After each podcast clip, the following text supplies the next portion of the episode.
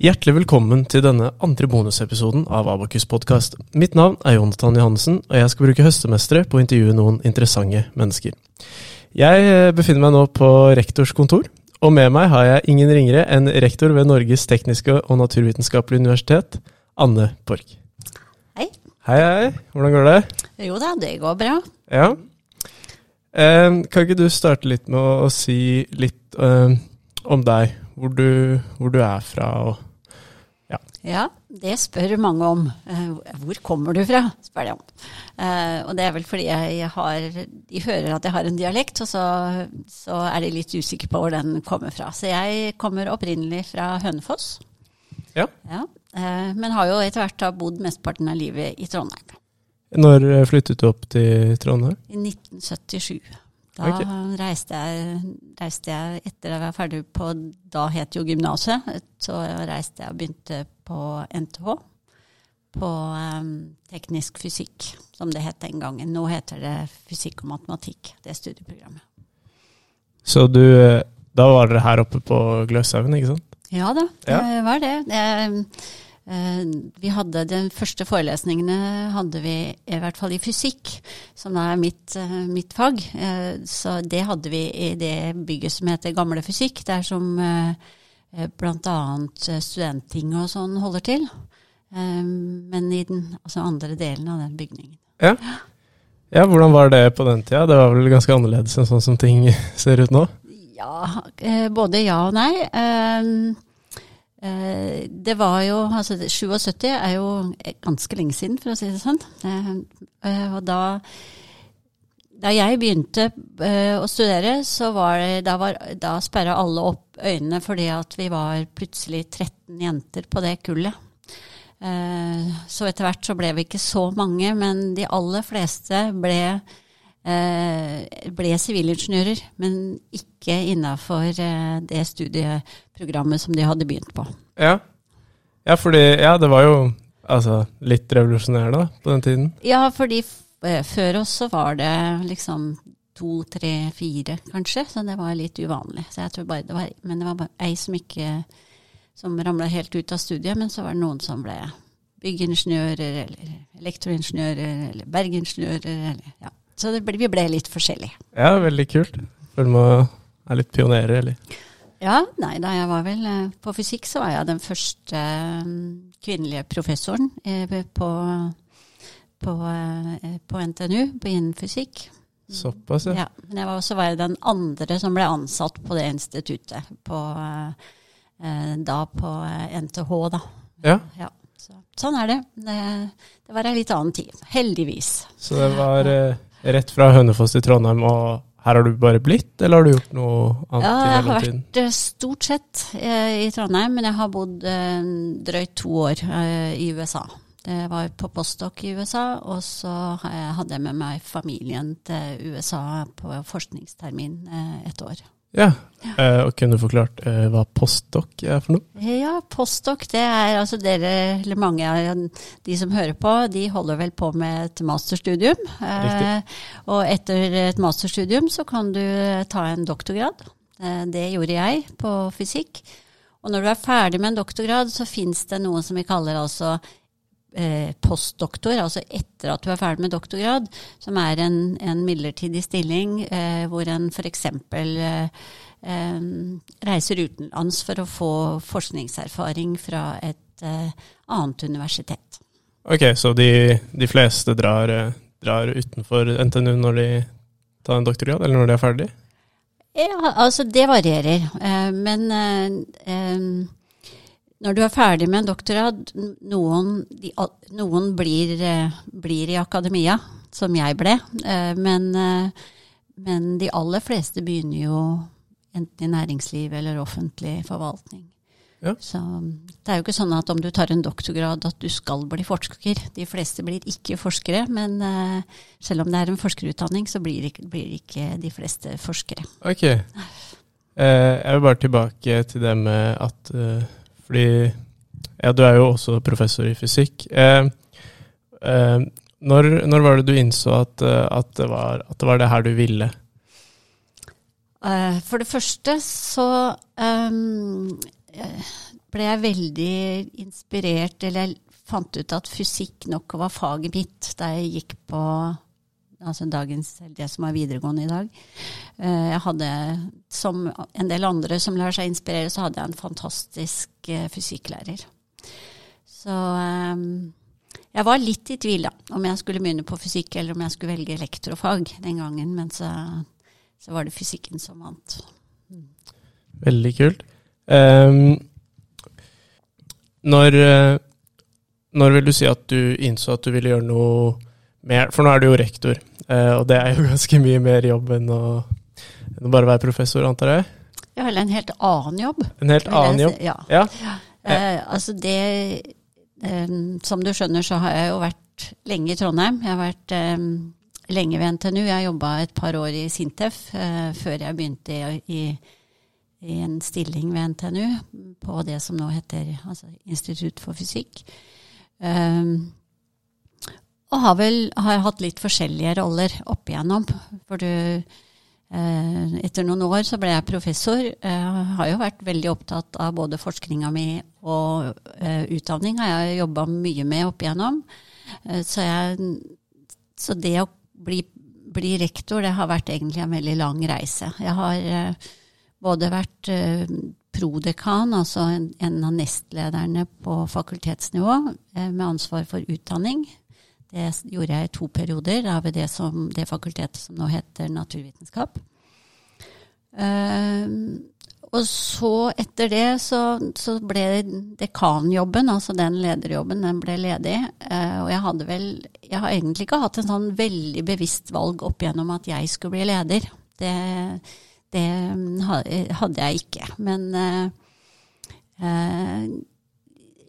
jeg ble litt betrygga også av folk rundt meg at ja, det her var sikkert en jobb som jeg kunne gjøre. Jeg kjenner, kjente fakultetet godt og, og har jobba med, med, mange ting knytta til det fakultetet. Så jeg søkte, og så fikk jeg jobben. Savner du eh, For jeg antar at mengden fysikkarbeid har nok gått ned. Ja. Er det noe du savner noen gang? Ja, ja. Absolutt. Eh, det var veldig Altså fram til jeg ble dekan i, um, i 2013, uh, så hadde jeg jo vært både aktiv forsker ad, På slutten, da jeg var prodekan for utdanning, så hadde jeg ikke så mye undervisning sjøl. Men jeg hadde jo vært en aktiv forsker. Og det var veldig rart og på en måte si at nei, nå skal ikke jeg ha noen nye doktorstudenter, nå skal jeg, nå skal jeg sørge for at andre kan, kan få liksom, eh, lede en virksomhet som, eh, som, eh, som, en leder. For jeg var veldig opptatt av det når jeg ble leder, at jeg ikke skulle f.eks. Eh, søke om forskningsmidler sjøl. At jeg ikke skulle konkurrere med de som jeg var overordna leder for. Det var veldig viktig for meg. Har du, for når du tok over eh, jobben, hadde du en visjon eller noe du ønsket for, for NTNU? Ja, du tenker noen som rektor? Mm. mm. Jeg tenker bare å ta historien, så altså i 2017 så, uh, så ble jeg jo prorektor for utdanning. Det, altså, jeg har jo brent for utdanning hele veien. Så det var jo en spennende jobb. Og så gikk jo da um, foregående rektor gikk jo av. Og jeg fikk og søkte den og fikk den jobben da i desember i 2019. Og det som jeg har sagt som, som jeg er veldig opptatt av, um, det er innafor all virksomheten vår at vi tenker kvalitet i det vi gjør. Det er helt sentralt i strategien til NTNU, som gjelder fram til 2025. Uh, det er viktig på alle områdene. Og så er jeg veldig opptatt av bærekraft det skal være en bærebjelke i, i det som vi, som vi, jobber med og står for. Eh, og så har vi jo Vi ble jo, ble jo nye NTNU i 2016.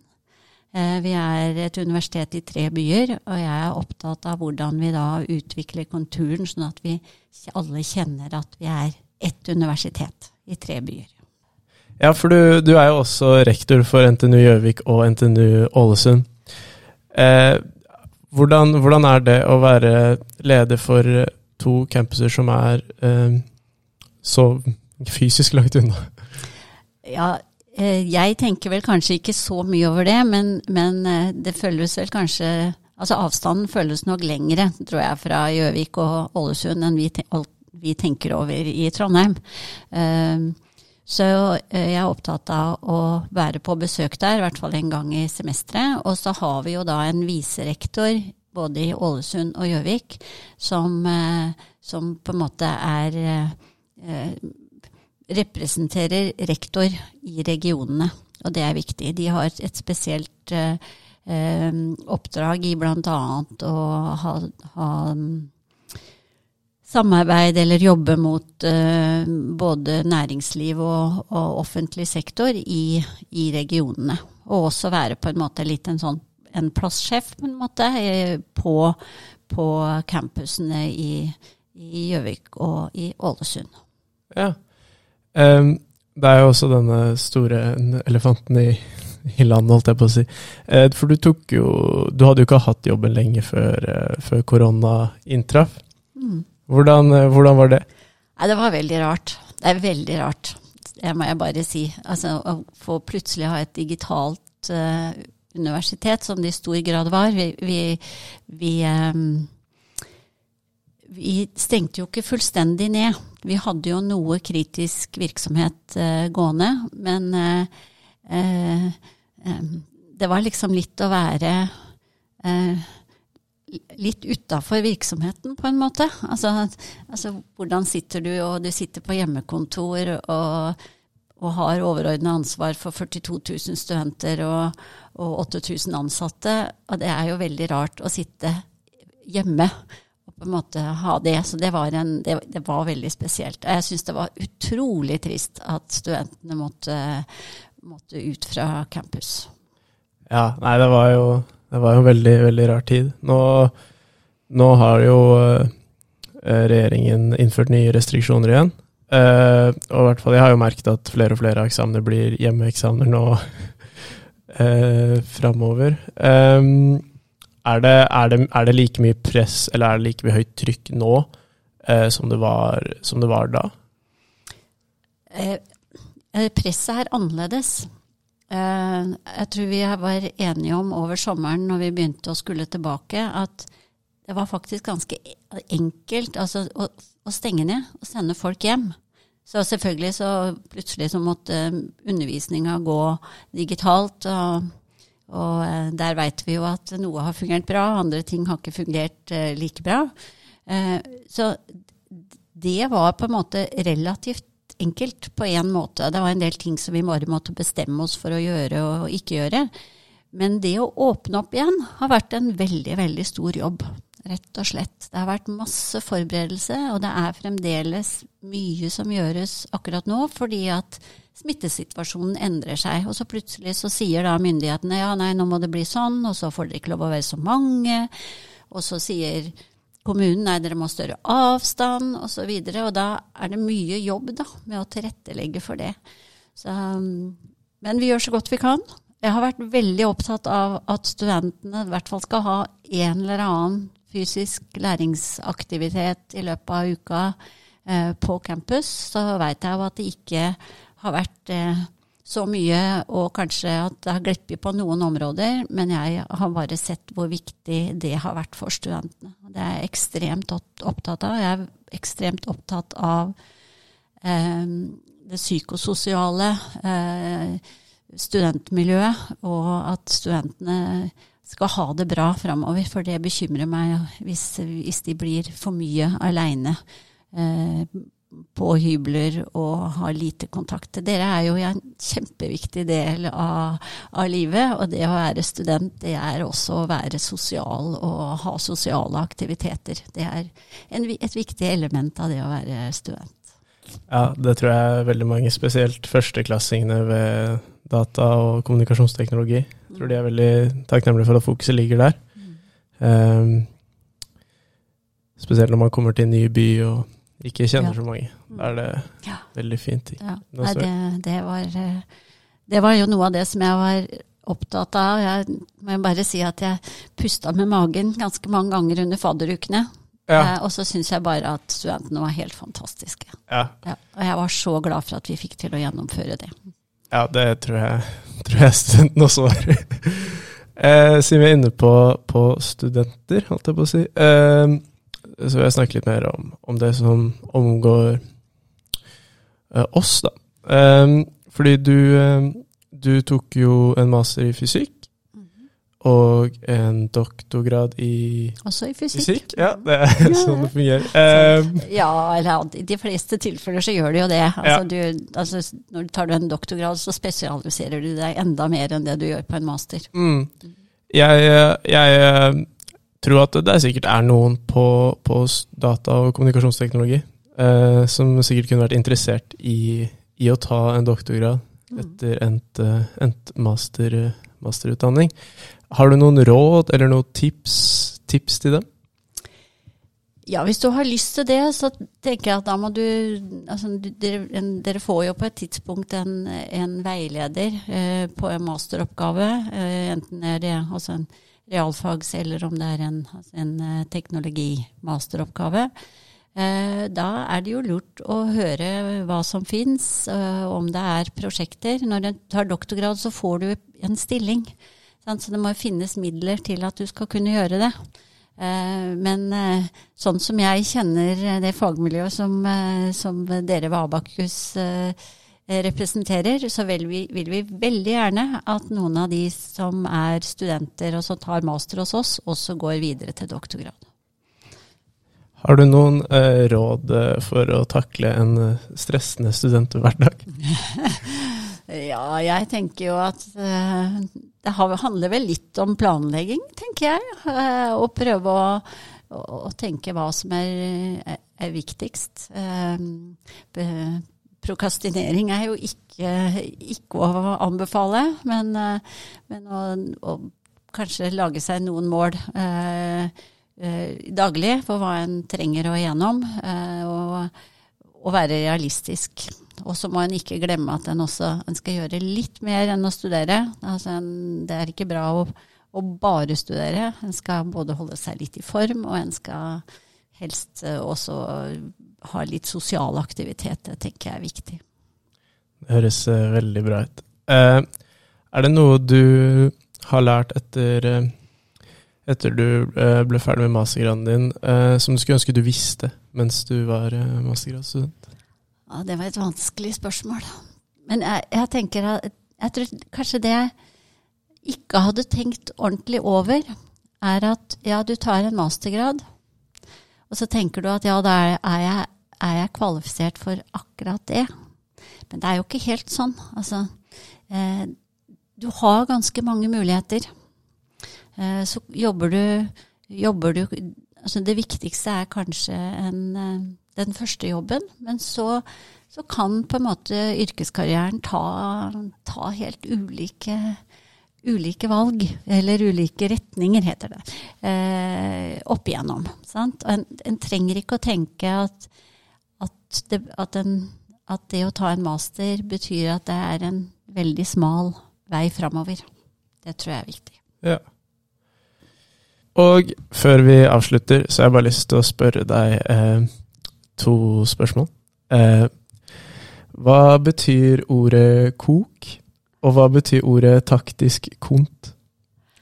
Ja, det første kok, det refereres jo til at, eh, at en skriver av f.eks. En, en øvingsoppgave som er obligatorisk og skal, skal leveres inn fra en student som har gjort, uh, gjort en oppgave. Det er et meget gammelt eh, begrep eh, ved NTNU. Uh, og taktisk kont betyr vel at noen da velger å møte opp på eksamen og levere blankt, for så å ta, ta eksamen i august istedenfor enten til jul eller til sommeren, og heller kanskje da konsentrere seg om noen av de andre emnene istedenpå ordinær eksamen. Og begge disse ordene fantes ved NTH når du gikk her? Ja, jeg tror ikke vi snakka så mye om taktisk, eh, taktisk kont, det, sa, det gjorde vi nok ikke, men vi snakka om kok, ja. Ja. Ja. Og fosskoking. fosskoking. Ja, tradisjonen lever enda. Tusen takk eh, for at eh, jeg fikk eh, muligheten til å intervjue deg. Ja, bare hyggelig. Tusen takk.